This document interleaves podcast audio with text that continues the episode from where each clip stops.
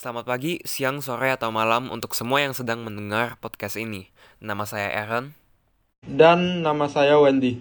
Dan pada kesempatan kali ini kita ingin berbincang-bincang sedikit mengenai Undang-Undang Nomor 99 Tahun 1999 Pasal 23 Ayat 2 yang berbunyi Setiap orang bebas untuk mempunyai, mengeluarkan, dan menyebarluaskan pendapat sesuai hati nuraninya secara lisan dan atau tulisan melalui media cetak maupun elektronik dengan memperhatikan nilai-nilai agama, kesusilaan, ketertiban, kepentingan umum, dan keutuhan bangsa.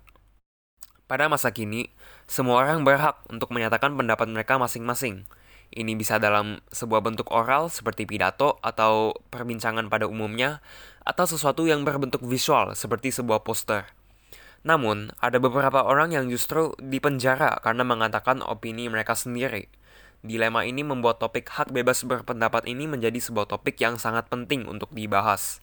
Dengan itu, saya ingin memulai topik ini dengan sebuah pertanyaan pembuka. Wendy, bagaimana sih hak bebas berpendapat ini dipraktekkan pada masa kini? Ya, Aaron, pertanyaan yang sangat menarik. Menurut saya, orang zaman sekarang sudah banyak yang mengetahui tentang topik hak bebas berpendapat dan melakukannya. Contohnya seperti orang-orang yang post berpendapat yang agak sensitif atau berhubungan dengan politik di media sosial atau enggak internet. Namun begitu, ada beberapa orang yang melakukan hal tersebut hingga berakhir di penjara karena berlebihan. Mungkin namanya hak bebas berpendapat, namun mengapa sih seorang masih dapat dipidana atau dipenjara karena mengatakan pendapat pribadi mereka. Ya, memang beberapa orang masih keliru akan makna asli dari hak bebas berpendapat ini, sehingga mereka menempatkan diri mereka pada bahaya dan beberapa justru malah dipenjara. Ambil contoh kasus Jerings yang sempat viral di media sosial karena menyebut virus corona tidak nyata dan hanya sebuah konspirasi yang dibesar-besarkan oleh pemberitaan media massa serta WHO atau lebih dikenal dengan nama World Health Organization. Pada akhirnya, dia dipenjara karena aksinya tersebut. Lah, padahal kan dia hanya sedang mengatakan opininya, opininya sendiri, kenapa malah dipenjara? Nah, meskipun ia memang sedang mengatakan opini dirinya sendiri mengenai virus corona ini, namun ia mengatakan opini tersebut tanpa adanya bukti yang konkret untuk mendukung opini tersebut.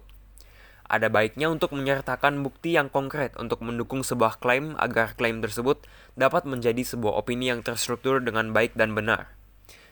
Ia juga merusak nama baik WHO karena menduga mereka memberi informasi yang salah.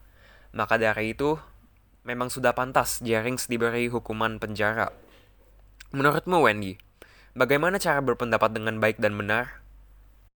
Ya, menurut saya cara berpendapat dengan baik dan benar adalah dengan pastikan untuk mengetahui informasi secara menyeluruh. Hindari menyampaikan ujaran kebencian. Jangan menggunakan kalimat provokatif. Memikir ulang pendapat dan menggunakan bahasa yang baik dan sopan di dalam pendapatnya. Ya, saya sangat setuju dengan apa yang dikatakan Wendy, dan itu pun sekaligus menjadi penutup untuk podcast kita untuk kali ini.